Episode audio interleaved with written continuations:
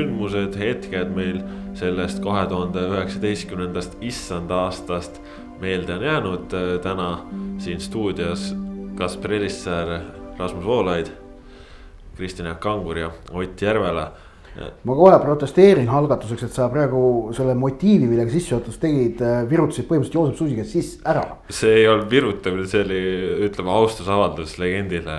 või hoopis paroodia otsustage ise, igatahes äh, sealt, sealt tõesti tuli. suht lihtne paroodia objekt, oleme ausad no. habe tuleb kasvatada selleks. ei, selleks ei ole seda vaja, seal on ei, kahtlemata see oli absoluutselt kõik viited Joosep Susile. kasutada, kasutada sõnu nagu introvertne, pedagoogika, koherentne ja nõnda edasi ja oledki juba peaaegu nagu susi. jah, alustame diskursusega, palun.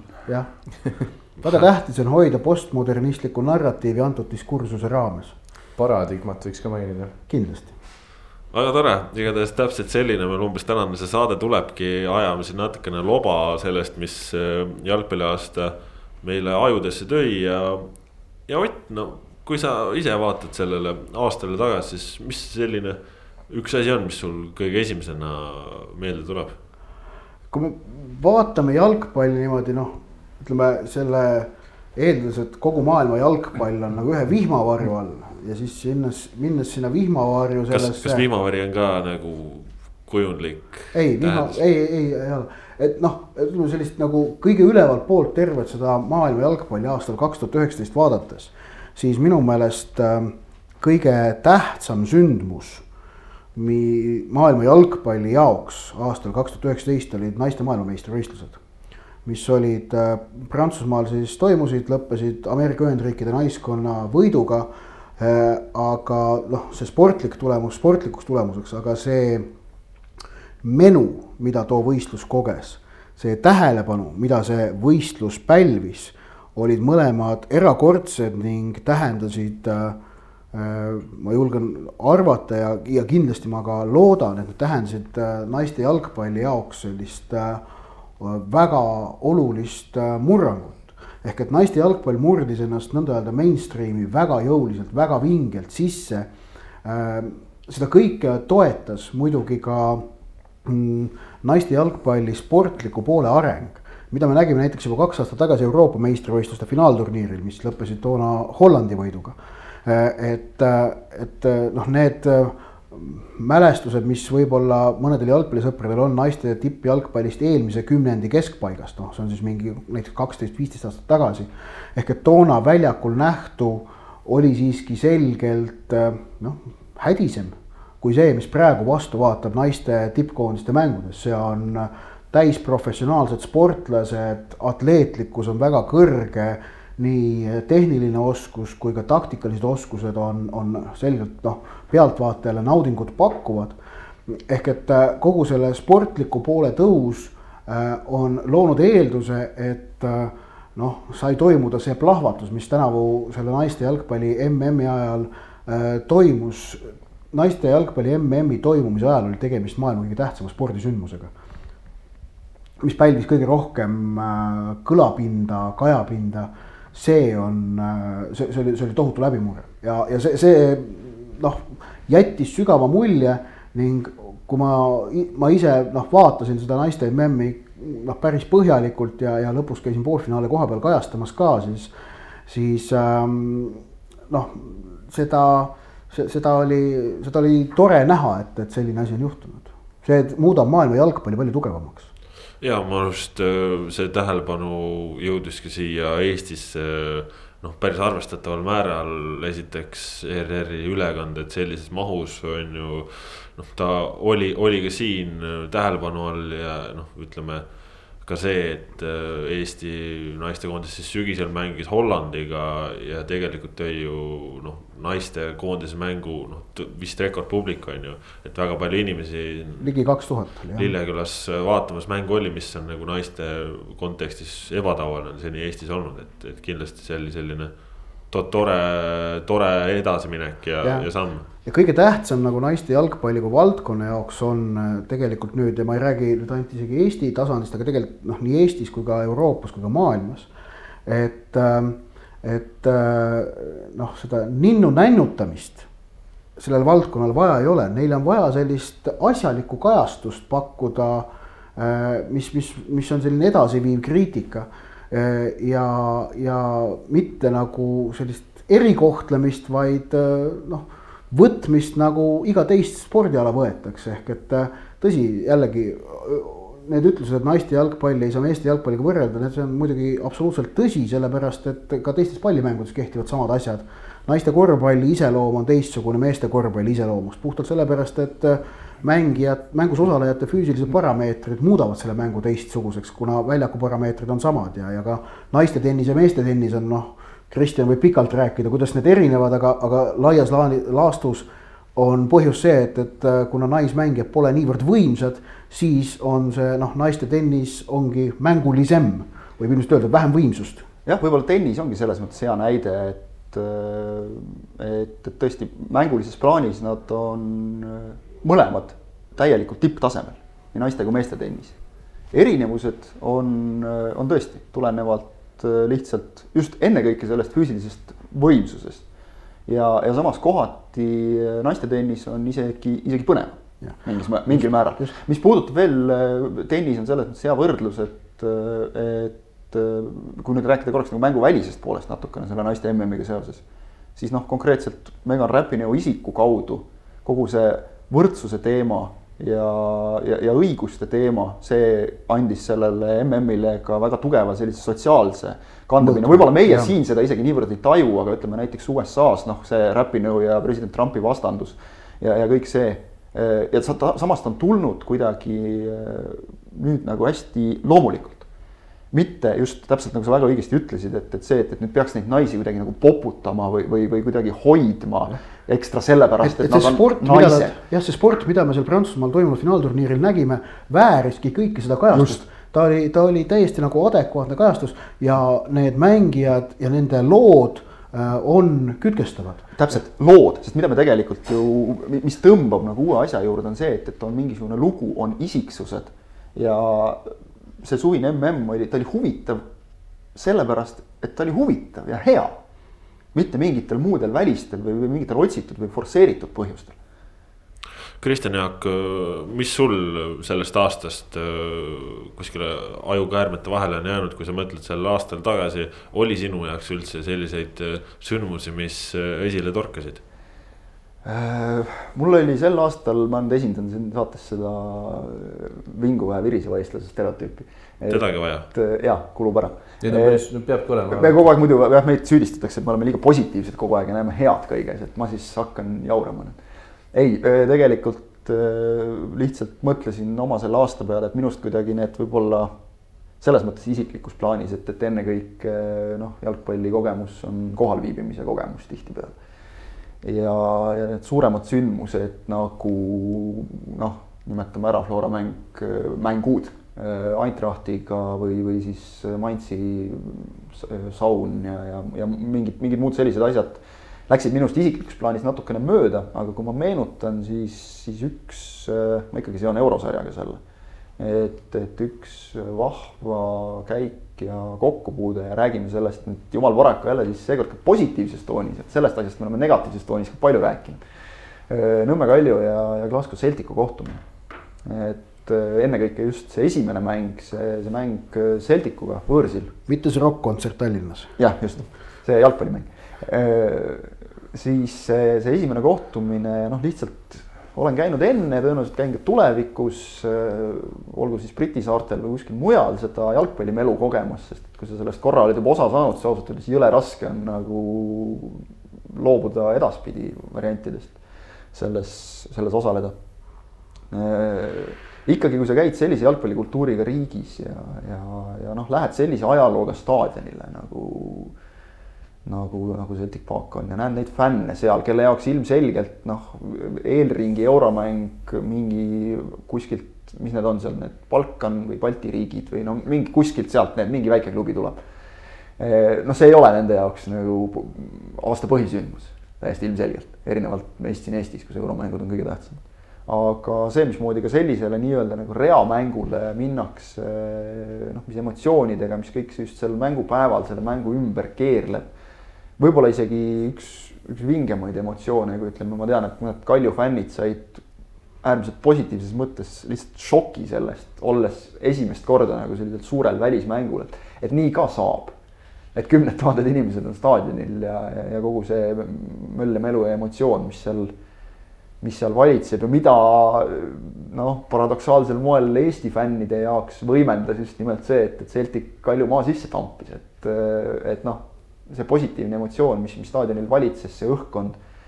ma usun, et, et noh, see oli, see oli vinge, aga minule endale jättis võib-olla isegi suurema või, või, või kõvema mulje, noh olles seda, seda poolt näinud jättis see, kui mängueelsel päeval käies seal staadionil ja nähes seda enne pressikonverentsi, enne, enne treeninguid, mismoodi suhtuvad need inimesed, kes seal staadionil näiteks töötavad ise sellesse.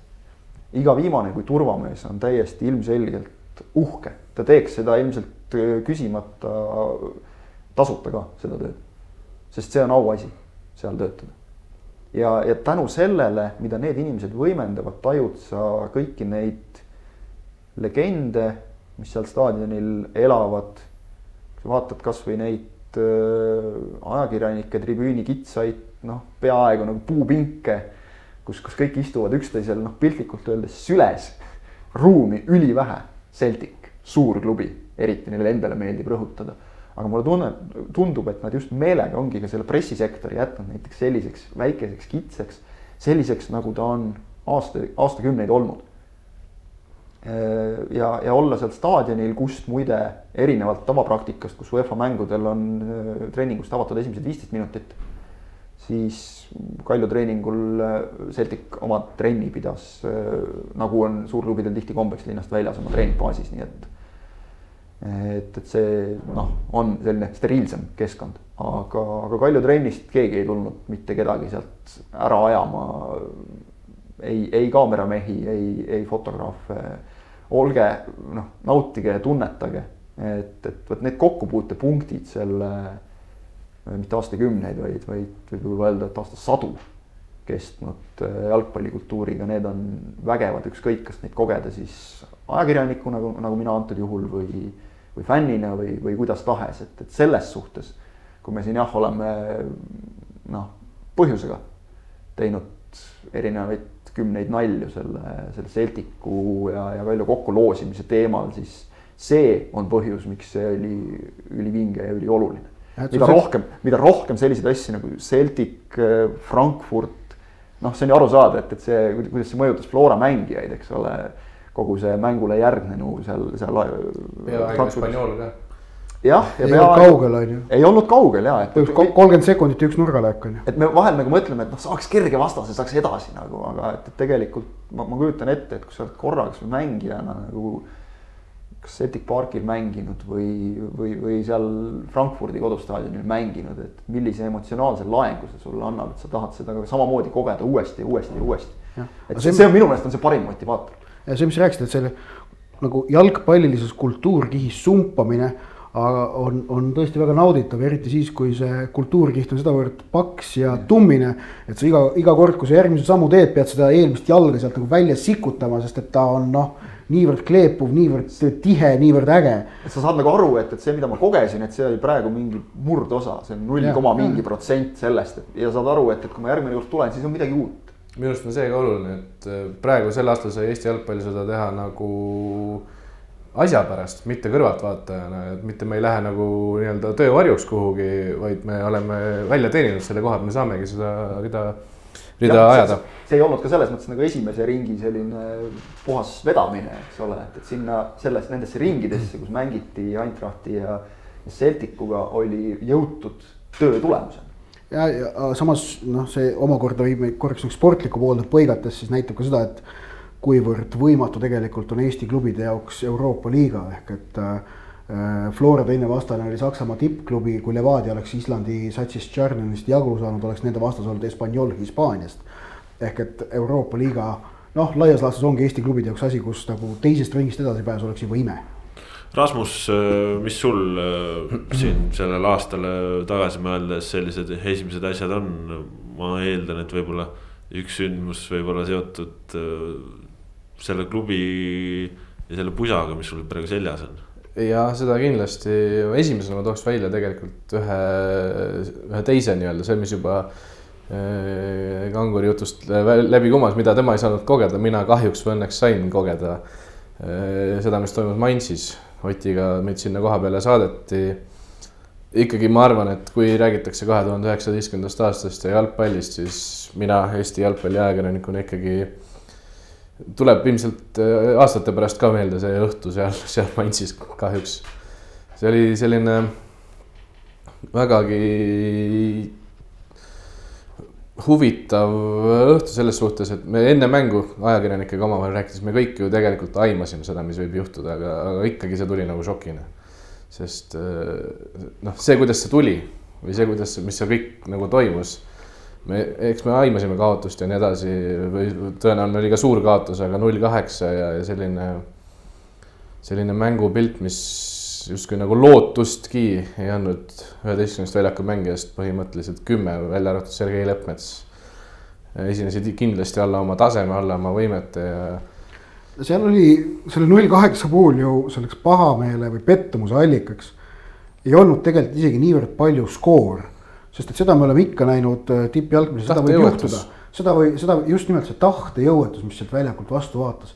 et noh, skoori me, vabandust, noh, Tottenham kaotas Müncheni Bayernile kaks-seitse on ju. et noh, sellised skoorid võivad jalgpallis juhtuda, kui asjaolud kokku langevad. noh, jätkuvalt äh, Brasiilia kaotas MM-i poolfinaali Saksamaale üks-seitse sest et seal ka Saksamaal lihtsalt iga löök läkski sisse, et noh, iga, iga hetk, mis neil oli, neil õnnestus. Aga nüüd see Saksamaa-Eesti see kaheksa-null see oli täiesti teistsugune. jah, see oli, see oli selles mõttes täiesti teistsugune, et, et seal nagu põhjus ei olnud mitte see, et Saksamaa oleks tohutult õnnestunud. vaid see, et nagu noh, Eesti meeskonna need tahtelised omadused tolles mängus olid ikkagi noh, tohutult puudulikud. noh, minul on see kogemus olemas, et, et vaadata tribüünilt äh, Belgia üks kaheksat ja noh, seal okay, värava lõi, lõime, noh, see vähemalt nagu üritati. ja, ja saad aru, et okei okay,, samamoodi taktikalises plaanis täielik möödalask noh, Martin Rein tunnistas pärast mängu, et jah, oli, olin naiivne, olin loll nii-öelda, et, et noh, tahtsin midagi, mis oli, oli nagu meie jaoks võimatu, aga, aga seal ei saanud nagu öelda, et mehed ei üritanud. tõesti jah, kui Lukaku jookseb ka nagu kõigepealt paremast, paremalt sust mööda ja siis jookseb veel vasakult ka sama rünnaku käigus, et noh, siis ma kujutan ette, et ahastus tuleb peale, aga, aga Saksamaa mäng oli, oli selles mõttes kohutav, et ma mäletan, mina vaatasin seda telekast ja noh, ausalt, kui töö ei nõuaks, siis no. Need on need mängud, kus sa mingil hetkel vahetad kanalit, sest sa saad aru, et siin ei muutu mitte midagi. ja see on tegelikult kõige hullem asi, mida saab jalgpalli vaadates tunda. ja, ja, ja see, seesama mäng pani tegelikult fooni kogu ülejäänud poolaastale, me räägime ükskõik mis mänguga seotud, seot-, üks, üks, üks, ükskõik mis Eesti mängu kontekstis. me räägime ikkagi nagu selle lai-, järellainetuste tulemusena ja, ja kui, kui veel tuua välja neid äh, mänge, millega saaks võrrelda suurte kaotustega, siis ma tahaksin tuua sellesama Eesti-Hollandi naistekoondise mängu, mis siin A Le Coq Arena'l äh, sügisel oli, tuli null, null seitse, põhimõtteliselt sama hull skoor, kui nagu ainult mustvalgelt skoori vaadata, aga, aga mängupilt või see me nägime võitluslikkus, võitluslikkus, just see tahe, mida näitasid Eesti, Eesti naised, see oli. isegi null viis seisus. just, just. ei antud alla, igas olukorras, noh nii, kuidas jaksati. muidugi vastane oli kiirem, tugevam, osavam, aga noh, anti endast niivõrd palju, kui vähegi sees oli. kui vaadata, panna skaalale. lõpus oli see, et, et naiskonnale aplodeeriti. null seitse kaotus ja naiskond läks aplaususaatel platsilt ära kui panna skaalale Eesti naised versus Hollandi naised ja Eesti mehed versus Saksamaa mehed, siis kindlasti Eesti-Hollandi naiste tasemevahe on, on oluliselt suurem. oluliselt, oluliselt suurem, aga, aga see kirg ja, ja, ja silmade põlemine ja see, mida nagu selles mängus nähti, see. see on ju spordiklassikas on see, et, et mida sa saad teha alati väljakule, olgu siis reaalselt või nagu sümboolselt astudes, on see, et sa saad anda endast maksimumi. lihtne vot äh, minul on Saksamaalt äh, natukene ja väga palju positiivsemad mälestused. Äh, mina käisin Saksamaal siis, kui Flora oli kodus teinud Frankfurdiga hea tulemuse alla, läks Võõrsile. ja, ja mängis seal siis Frankfurdi Eintrachtiga no, hea tulemuse peale. jah, mis üks-kaks ta, üks-kaks ta jäi, et, et noh, minu selline kõige, ma ei tea, võimsam, kui ma mõtlesingi ka ennist kodus selle peale, siis. siis see hetk, kui ma hakkasin mängupäeval kõndima hotellist umbes sellise kolmekümne minutilise jalutuskäigu kaugusel asuvale staadionile. tegin seda läbi pargi, siis noh, kui sa Kristjan ütlesid, et, et noh, Celticu jaoks Kalju oli võib-olla reamäng. siis Eintrachti jaoks Flora ei olnud reamäng, see oli nende hooaja esimene kodumäng. see oli üldse nende hooaja selline suure lävepaku algus, sest oli möödunud ka piisavalt palju aastaid sellest, kui viimati tehti Euroopa liigas tegusid, ehk siis. Flora mäng oli nii-öelda ka selline noh oma hiilgeaegade kaheksakümnendate meenutamise tähe all, ehk siis kui tava, tavaliselt näeme ju Eindrachti mängimas väga palju mustas, siis toona oli, oli kogu üleskutse kogu linnale, kogu staadionile, et tulge staadionile valges. sest valges võideti UEFA karikas kaheksakümnendatel ja, ja kõik läksidki ja, ja ma kõndisin see kolmkümmend minutit läbi sellise noh, ürgse pargi selle staadioni poole. ja minuga koos kõndisid tuhanded, tuhanded, tuhanded sakslased. ja kõik liikusid staadioni poole, selle kolmekümne minuti jooksul tuli mulle vastu täpselt kuus inimest. kuus inimest liikusid staadioni poolt eemale. noh, see on, ütleme, et isegi Eestis ma ütlen, kui ma kasvõi Hiiumaal kõnniksin Kärdlas äh, kolmkümmend minutit, siis. Äh, siis sa jõuaksid vormisele.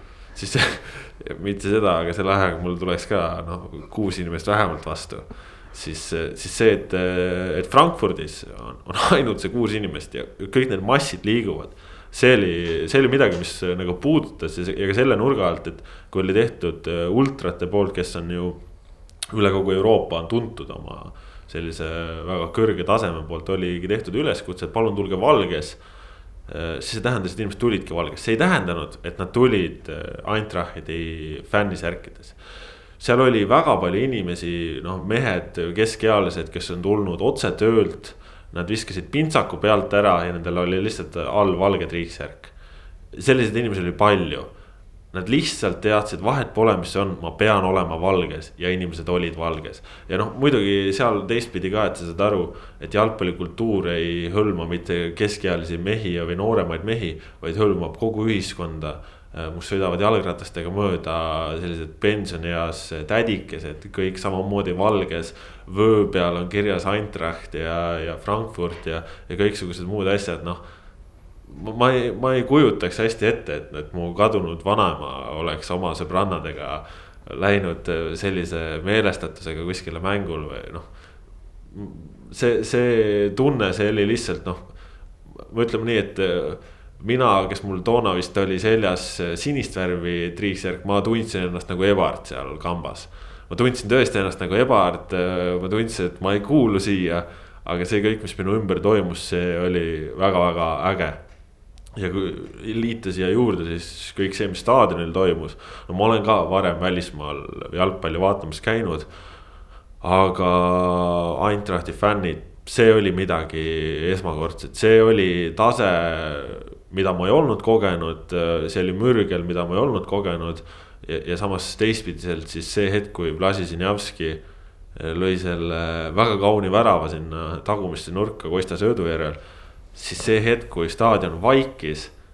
see oli ka nagu teistpidi sürreaalne ja see jättis, jättis ka mälestuse, mida ma ei unusta. ja nüüd pannes siia veel see kolmas tahk juurde, ehk siis see, mis toimus mängu järel. ehk siis see, kus need Eintrachti ultrad, Eintrachti fännid, kes on üle Euroopa isegi kurikuulsad.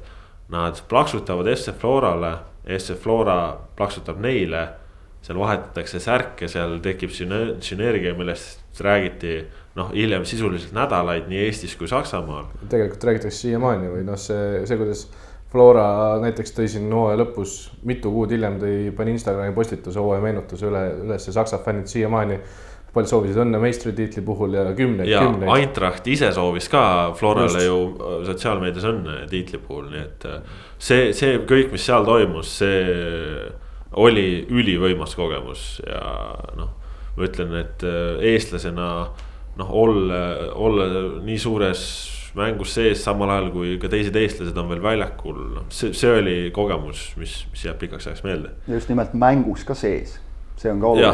seal oli ja seisul üks-üks oli ju mängu, kordusmängus küll ja veel, et oleks Flora teise ära löönud. oleks noh, ütleme, see ei olnud mingi selline utoopia, et Flora oleks sealt teise ära löönud ja kordusmängu kaks-üks juhtima läinud, on ju.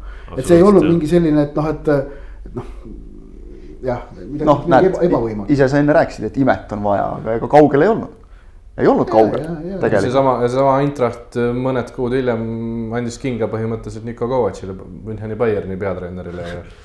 jah. see nagu näitab seda, et mis -hmm. millega me nagu riivamisi kokku puutume, eks ole, et mis, mis mängus nemad tegelikult. veel, veel kahjuks ikkagi riivamisi tõesti.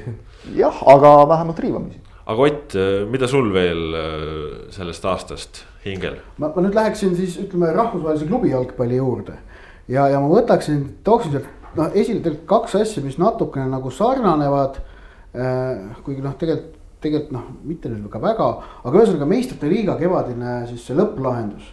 ning, ning sealt tooksin noh, üks asi, mis oli muidugi, oli see Amsterdami Ajaxi poolfinaali jõudmine. ja selle just nimelt selle, selle ikkagi noh, ülinooruslikku, üliägedat jalgpalli ähm,. ütleks niimoodi ebamõistuslikult, ebaratsionaalselt, ent ebamõistuslikult, ebaratsionaalselt, ent siiski edukat jalgpalli mänginud Ajaxi jõudmine poolfinaali, noh, see, kuidas nad Reali üle mängisid näiteks. no see oli ju kaheksandikfinaalis, see oli vaimustav, see, kuidas nad Juventus üle mängisid, oli, oli ka väga nauditav. Ehm, aga, aga siis selle noh, nooruslikkuse plahvatus, mida seal meistrite liigas oli, oli näha, siis ma, see kuuenda märtsi õhtu Pariisis oli ka fenomenaalne.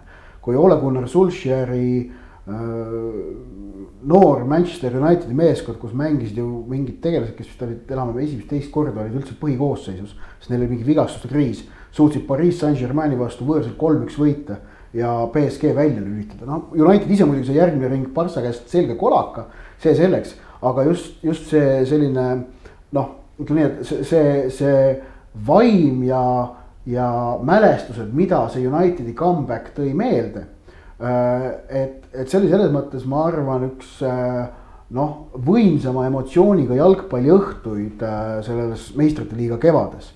sellepärast just nimelt mitte, mitte konkreetselt isegi tolle hetke ja päeva pärast, vaid see, mida noorusliku Man Unitedi comeback võõrsil endast selgelt tugevama vastase vastu tähendas Unitedi ajaloolist konteksti arvestades. ma mäletan, ma rääkisin umbes sel ajal suhtlesin ka Mattias Käidiga sellest ja ta oli nende samade poiste vastu, kes siis tulid debüüdiks sisse jaanuarikuus äh, mänginud Fulham U kaks, U kahekümne kolmega ja võitnud. ehk need, need mehed, kes Käidi käest äh, Premier League kahes äh, said, said peksa kuu aega tagasi või kuu aega varem. Läksid ja, ja lükkasid BSG. ei no seal tulid ju, lõpus tulid sisse noh, sama Mason Greenwood, kes praegu on tõusnud Unitedis noh, juba vaata, et see nooreks staariks. see Tahit Chong vist. Tahit Chong tuli ka sisse on ju, noh, et noh, vennad, kes mängisid enam noh, mingi esimest, teist, kolmandat mängu üleüldse Unitedi eest ja nendega tuldi ja, ja pandi BSG-l lõpus ära, noh, see, see, kuidas see Varriga see saadi see penalti, mille Rashford ära lõi, noh. Eh, kusjuures Rashford lõi selle penalti siis sisse Gigi Buffonile on ju. Et noh, ka see oli tegelikult mõnes mõttes sümboolne, et noh, kahekümne aastane Rashford neljakümne kahesele, neljakümne ühesele, mis iganes see Buffon. Buffon jäi jälle ilma jah, nojah, et seal oli nagu väga palju neid nagu huvitavaid narratiive sellesse ühte hetke kokku pakitud ja see muutis eh, tolle, tolle nagu mälestusväärseks. noh, kahju on mul seda meistrite liiga kevadet vaadata see, et, et, et äh, Ajax äh, poolfinaalis Tottenhami vastu selle finaalikoha maha mängis. Et, et see Ajax finaalis oleks andnud sellele meistrite liigale veel sellist äh, no ikka seda romantikat kõvasti juurde ja sellest oli neetult kahju, et nad sellest nagu ilma jäid. aga noh, sport on selles mõttes on aus, et noh, et äh, ei pidanud närvid vastu, mängisid kordusmängus Spursi vastu selle edu maha samamoodi see Spursi comeback tolles mängus oli ka fenomenaalne. ja noh, alati kui finaalis on eri riikide meeskonnad, siis see on alati põnevam, sest et neid asju me näeme ainult, ainult meistrite liigas, et see oleks olnud alati selles mõttes parem. Rasmus, kas äh, siin, kui me juba selle meistrite liiga lainel oleme, kas siit siit on edasi minna. tuleb, tuleb ka sinul veel, veel üks yeah. meenutus. Ma... kas, kas sind ka meistrite liigas miski? jah, ma mõtlesin ka, et võib-olla siis ma toon enda, enda selle nii-öelda teise meenutusega siia samma, samma juba otsa, et muidugi Liverpooli edu oli, oli minu jaoks tõeliselt nauditav ja kütkestav, aga ma võib-olla tooksingi siis need just seal need poolfinaalid kaks päeva järjest. täiesti erakordne jalgpalli, jalgpallinädal minu arust või no see Liverpool kaotas võõrsil null kolm mängul, kus ma sain kohal käia, nautida Liverpooli suurepärast esitust. ja Messi ilusaid, ilusat karistuslööki ja nii edasi, kuidas Dembele ei löönud seal lõpus seda neljandat ära ja siis nädal aega hiljem vaatasin telekast, kuidas. kuidas Liverpool, no ma tõesti tunnistan, et ma ennustasin küll, et nad saavad edasi, aga ma tegelikult ei uskunud, siin saates ütlesin välja, et, et, et nad tõesti tõenäoliselt saavad, aga ma väga ei uskunud. aga siis Divock Origi lõi kaks kiirelt ja, ja Gini Wijnaldum et Origi lõi viimase, Gini Wijnaldum lõi teise-kolmanda, siis see neljas. ma ütleks, et see oli jalgpalliaasta kõige geniaalsem, äh, geniaalsemad viis sekundit võib-olla. kuidas Trent Alexander-Arnold selle nurgalöögi juba, juba ei andnud seda nurgalööki ja siis jooksis ja andis ja Origi lõi neljanda ära niimoodi, et Barca, Barca suu ammuli pealt vaatas. Aga võib-olla see ei olnud isegi selle nädala kõige, kõige hullem comeback. kui, kui seesama, millest Ott rääkis, oli viimased nelikümmend viis minutit oli veel mängida ja, ja ajaks oli ju kolme, kolme värava käes Siis... ajaks, ajaks oli finaalis ja, kõigi arvates siis..., kahjuks ka ajaks enda arvates. ja Lukas Moura arvates ainsana vist mitte see on, ma mäletan, kuidas äh, selline meie hea kolleeg, konservatiivne Kristjan Remmerkorv pärast seda teist äh, mängu tunnistas, et kurat, et hullumeelne värk, et aga liiga tihti äh, juhtub seda, et see nagu devalveerib juba seda erakordsust. mõnes mõttes isegi mõnes mõttes saan, saan aru sellest, aga ikkagi see oli, see oli fantastiline meistrite liiga. jah, aga, aga tegelikult selles mõttes okei okay,, noh, Remel korra selle jutuga, et, et liiga sagedasti juhtub, võib kuu peale käia. Aga aga see, et, et seda on viimastel aastatel, me oleme näinud päris sageli meistrite liigas väga suuri tagasitulekuid play-off'is või on, just seda, kuidas viimastel minutitel midagi erakordset no,. nagu me teame kõige.... või, või suurtest avamängu suurtest kaotusseisudest tullakse välja, noh, see, kuidas ikkagi Barca võitis kuus-üks BSG-d kodus olles avamängu võõrsil nullile no, kaotanud. see nali, eks ole, et kõige libedam seis on kolm-null. jah, jah, aga, aga see on ikkagi tegelikult märk sellest, äh, kuivõrd suur roll on psühholoogial selles, äh, selles äh, absoluutses tippmängus sellepärast, et oskuste poolest. ka madalamal okei okay, ja aga, aga, aga noh, ütleme minu meelest see, et mida suuremad on panused, mida suurem on see noh, tähelepanu, mida mängija teab, tema tegevus omab, seda suuremaks muutuvad ka need pinged. ja need pinged võivad noh, murduda, murda selle mängija niivõrd drastiliselt, mis tema tavapärast oskuste taset arvestades on täiesti ebaloogiline no see on, see on, see on absoluutselt irratsionaalne ja mõeldamatu, et Pariis Saint-Germaini ülimalt meisterlik meeskond mängib maha avamängu neli-null edu. see on täiesti mõeldamatu tegelikult ja aga see ometi juhtus. samamoodi Ajaks, kes oli jah kolm-null ees, aga ei, ei saanud edasi. Ajaks mängis ju Chelsea vastu isegi selle, selle sügisel veel maha, selle, tõsi, siis oli, olid ka punased kaardid. just, et, et see tegelikult noh, näitab selle ikkagi noh, kuidas, kuivõrd palju jalgpalli mängitakse kahe kõrva vahel ja kuivõrd vähe mängitakse seda jalgade ja peaga seal platsi peal Kristjan Jaak, äh, sinul äh, midagi lööb veel ette või? no kui sa oled nagu Manchester Unitedi fänn ja kui me räägime mingist Euroopa jalgpallist, siis noh, klammerdadki nende üksikute hetkede külge, mida Ott siin kirjeldas, ega liiga palju ei pakuta. et äh, jah, ütleme meistrite liiga play-off'id on viimastel aastatel, mitte ainult nüüd viimasel aastal, sel aastal, vaid, vaid üldse viimastel aastatel on ikkagi õnneks teinud kuhjaga tasa selle, no ma olen jälle see vinguveestlane, selle igava alagrupi faasi, mida me, mida me kipume nägema, kus on noh, asjad etteaimatavad, soosikud naljalt välja ei kuku.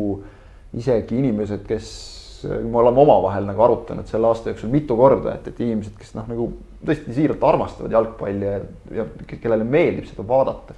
isegi nende jaoks natukene teinekord on sihuke noh, tore jah, aga okei okay, ma väike, võiksin siin sinuga vaielda. väike külastumus jalgpallist, ei muidugi on neid ka, kellele see nagu tohutult korda läheb jälle. ja eriti läheb korda, kui sa oled Real Madridi fänn ja Real alustab alagrupi turniiri mingite sahmakatega. no vaata, siis on äh, põnevus ja pinge, kas no, edasi. ma räägingi, minu arust ongi väga põnev olnud viimastes voorudes ju siin tänavugi see, kuidas siin Valencia tegi ja, ja nii edasi, aga noh, jätka. aga no just nimelt need, need üllatused äh, need, need igasugused lood sinna juurde, kasvõi just, just nimelt see, et, et äh, vanameister Buffon versus talle pojaks kõlbavad mingid Unitedi mängijad, kes talle väravaid löövad ja tal jälle kõigest ilma jätavad. Neid on õnneks äh, ka Euroopa tippklubi jalgpall väga, väga palju pakkunud. selle üle on võib-olla kõige, kõige suurem rõõm. mulle isiklikult noh, ütleme minu jaoks on oluline see, et, et kui ma nagu sellele tippjalgpallile kaasa elan, siis ma noh, üritan nagu ilmselt paljud ka alati valida nagu meeskonna, kelle, kelle väga selgelt, kelle, kelle võitu ma tahan, sest noh, mul peab olema see minu enda jaoks mingi see isiklik pinge, mõned panevad, panevad raha, eks ole, ja siis elavad selle järgi kaasa ja ma saan selles mõttes neist aru, et nad ilmselt otsivad just sedasama, et sul peab nii-öelda midagi mängus olema. pidepunkti on vaja. jah, mingit pidepunkti on vaja, et ma lihtsalt vaatan ilusat jalgpalli, seda võib ka vahel harva teha aga, aga ma, ma, mina isiklikult ma tunnen, et ma pean kellegi noh, poolt olema ja selle tõttu lihtsalt lemmikmeeskonna ebaedu on, on, on selles mõttes natukene noh, neid võimalusi nagu kärpinud, et noh, hoida pöialt, et ikka saaks need Euroopa, Euroopa liigas saaks ikka kolmekümne kahe hulka, see nagu ei ole päris see. vaatasid Astana Manchester, Manchester United kakskümmend kolme või? ei vaadanud kusjuures, huvitaval kombel. et äh, ei ole see nagu päris, eks ole, et, äh, et jah, selles mõttes ma, ma siiralt kadestan Rasmust, kellel on võimalus praegu nagu seda, seda kogeda. et noh, ära muretse, läheb üle. see läheb, ma tean, kuhu sa võid, kus sa umbes oled ja. praegu. Liverpooli fännina see noh, läheb üle ja, ja ütleme, et Unitedi fännina on, on ka nagu meeldiv olla tagasi maa peale toodud pärast pikki eduaastaid, aga, aga noh, tegelikult see ongi jalgpalli võlu, et üles-alla ta käib ja noh ootad ja loodad jah, vahel jääd kuskile minevikku kinni ka jälle, aga, aga see käib nagu ka asja juurde. mina tooksin praegu veel oma selliste momentidena, võib-olla viimaste momentidena välja kogu selle premium-liiga hooaja, mis äh, oli ikkagi värvikas, noh alustades sellega, kui Konstantin Vassiljev äh, siirdus Florasse, kuidas mul õnnestus noh reaalselt umbes suurusjärgus kolm minutit pärast äh, tal lepingu allkirjastamist äh, temaga intervjuu teha. Äh, sealt edasi, milliseks see hooaeg kujunes, kuidas Paide sekkus nii suurde mängu ja see oli üllatus, see oli väga suur üllatus, sest noh, oli väga raske ette näha, et Paide linnameeskond, kelle kaitseliin eelnevalt oli noh, ikkagi midagi sõelalaadset nüüd sedasi pidama sai seejuures, kui kogu tagaliin oli uus. see oli üllatus, et see klapp nii kiirelt tuli ja selle eest tuleb Vjatšeslav Sahovaikot ja Erkki Keskküla väga palju kiita. kohe esimene, hooaja esimene värav. Alsana Jata purakas tagantjärgi vaadates nii-öelda nagu seadis tooni sellele hooajale Kalju võrku. et see oli jah, pimedal ja, ja külmal Hiiu kunstmurul, aga, aga sealt hakkas minema kohe selles mõttes ideaalne avamäng. ilus värav, suur üllatus, noh šokk ikkagi tegelikult. ja, ja, ja sealt ta niimoodi vaikselt, vaikselt keris, sest et noh, Kalju tuli sinna, eks ole, oma kaotuseta hooaja pealt ja, ja, ja, ja kõik see, et, et ja, ja, ja Paide tõus just nimelt on, on see nagu raputus, mida, mida, mida Eesti jalgpall on, on selles mõttes kaua oodanud, et noh, keegi ometigi väljastpoolt Tallinna ka tuleb okei okay,, siin on noh, mängitud hõbeda peale Sillamäed, eks ole, muud meeskonnad, aga noh, see ei ole nagu päris see sellesse. Paide puhul oli kogu aeg selline tunne, et noh, nad on võimelised absoluutselt kõigiga mängima. ja, ja kõiki võitma, et selles mõttes uus, uueks hooajaks noh, on, on nagu veel huvitavam no,. vundament laotud ja kui sa nagu näed ka kõrvalt seda, et, et see on sihipärane pikaajalise eesmärgiga töö, mitte et, et katsuks nüüd sel hooajal nagu mingi kõva satsi kokku saada ja siis tulemust teha, vaid, vaid seal töötatakse tegelikult hoopis teiste eesmärkide nimel, aga see sportlik tulemus tuleb sellega kaasa. see, see oli vinge ja tegelikult, kui siin noh, omavahel enne arutasime, et millest täpselt saates rääkida ja ma vist isegi siis ütlesin, et et minu jaoks, kuna noh, ma, ma isiklikult väga paljude töö tõttu väga paljudele sellistele Eesti liiga suurmängudele just ei jõudnud et noh, ei, ei ole nagu sellist ühte hetke, mis esile tõuseb, siis tegelikult nüüd praegu nagu siin jutu ajal mõeldes hakkasin mõtlema, et, et see ongi vist selle hooaja nagu suurim trump, et neid hetki oli lihtsalt niivõrd palju igas voorus, mitu tükki.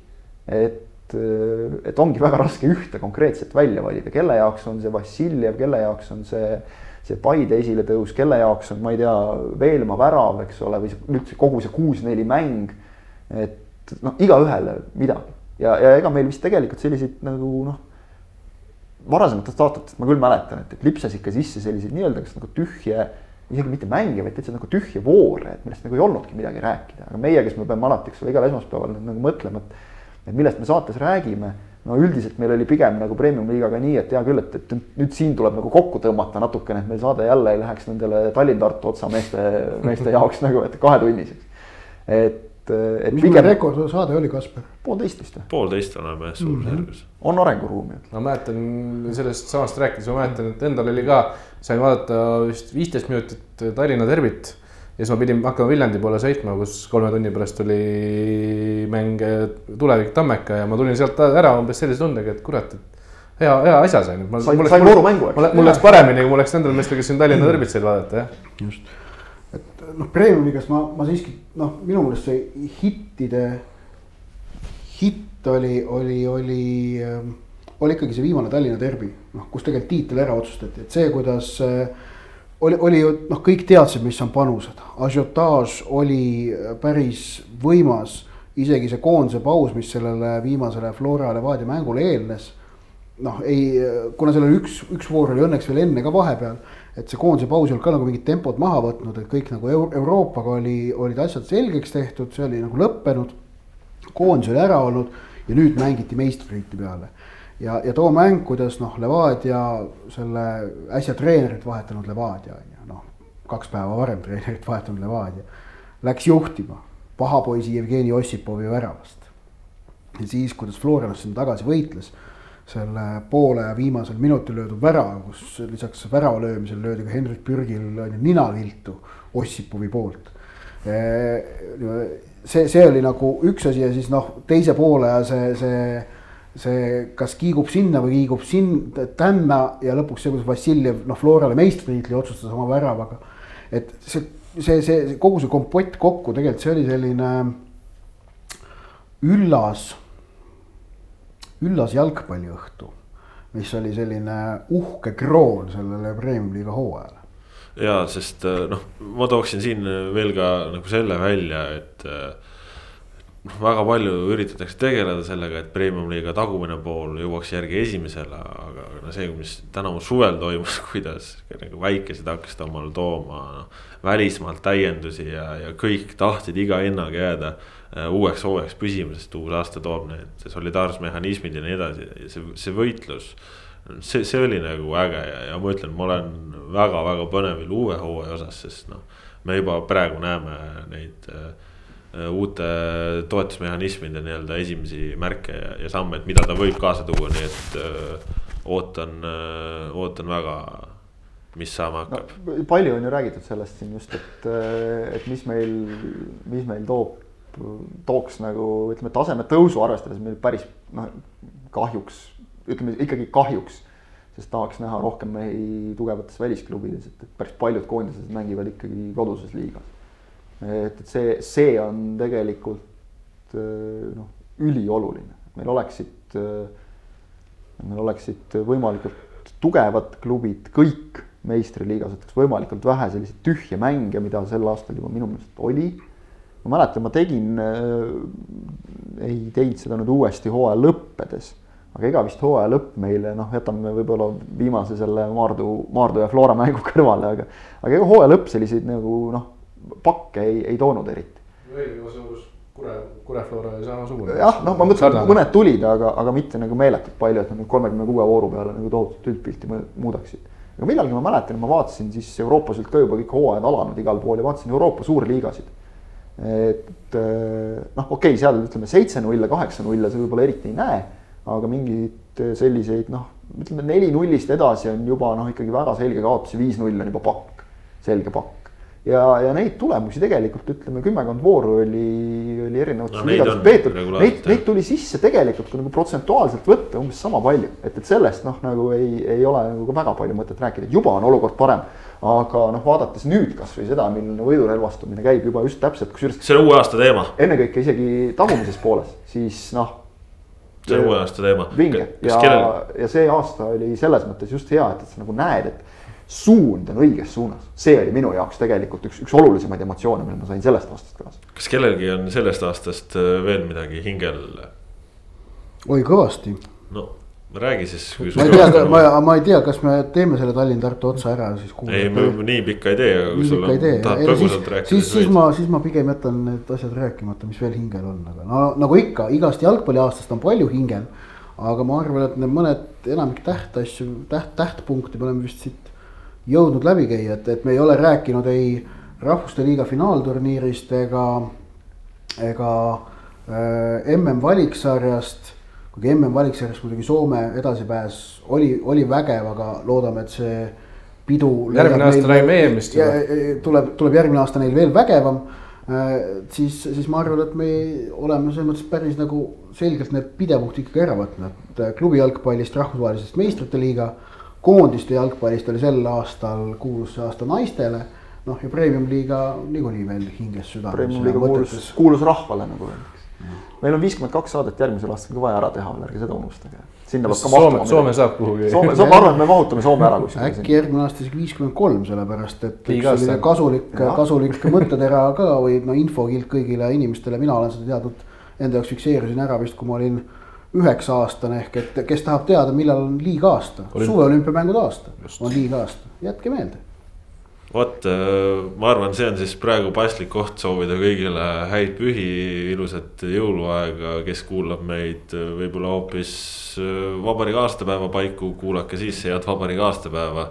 siis on ainult viis päeva liiga aasta nii-öelda.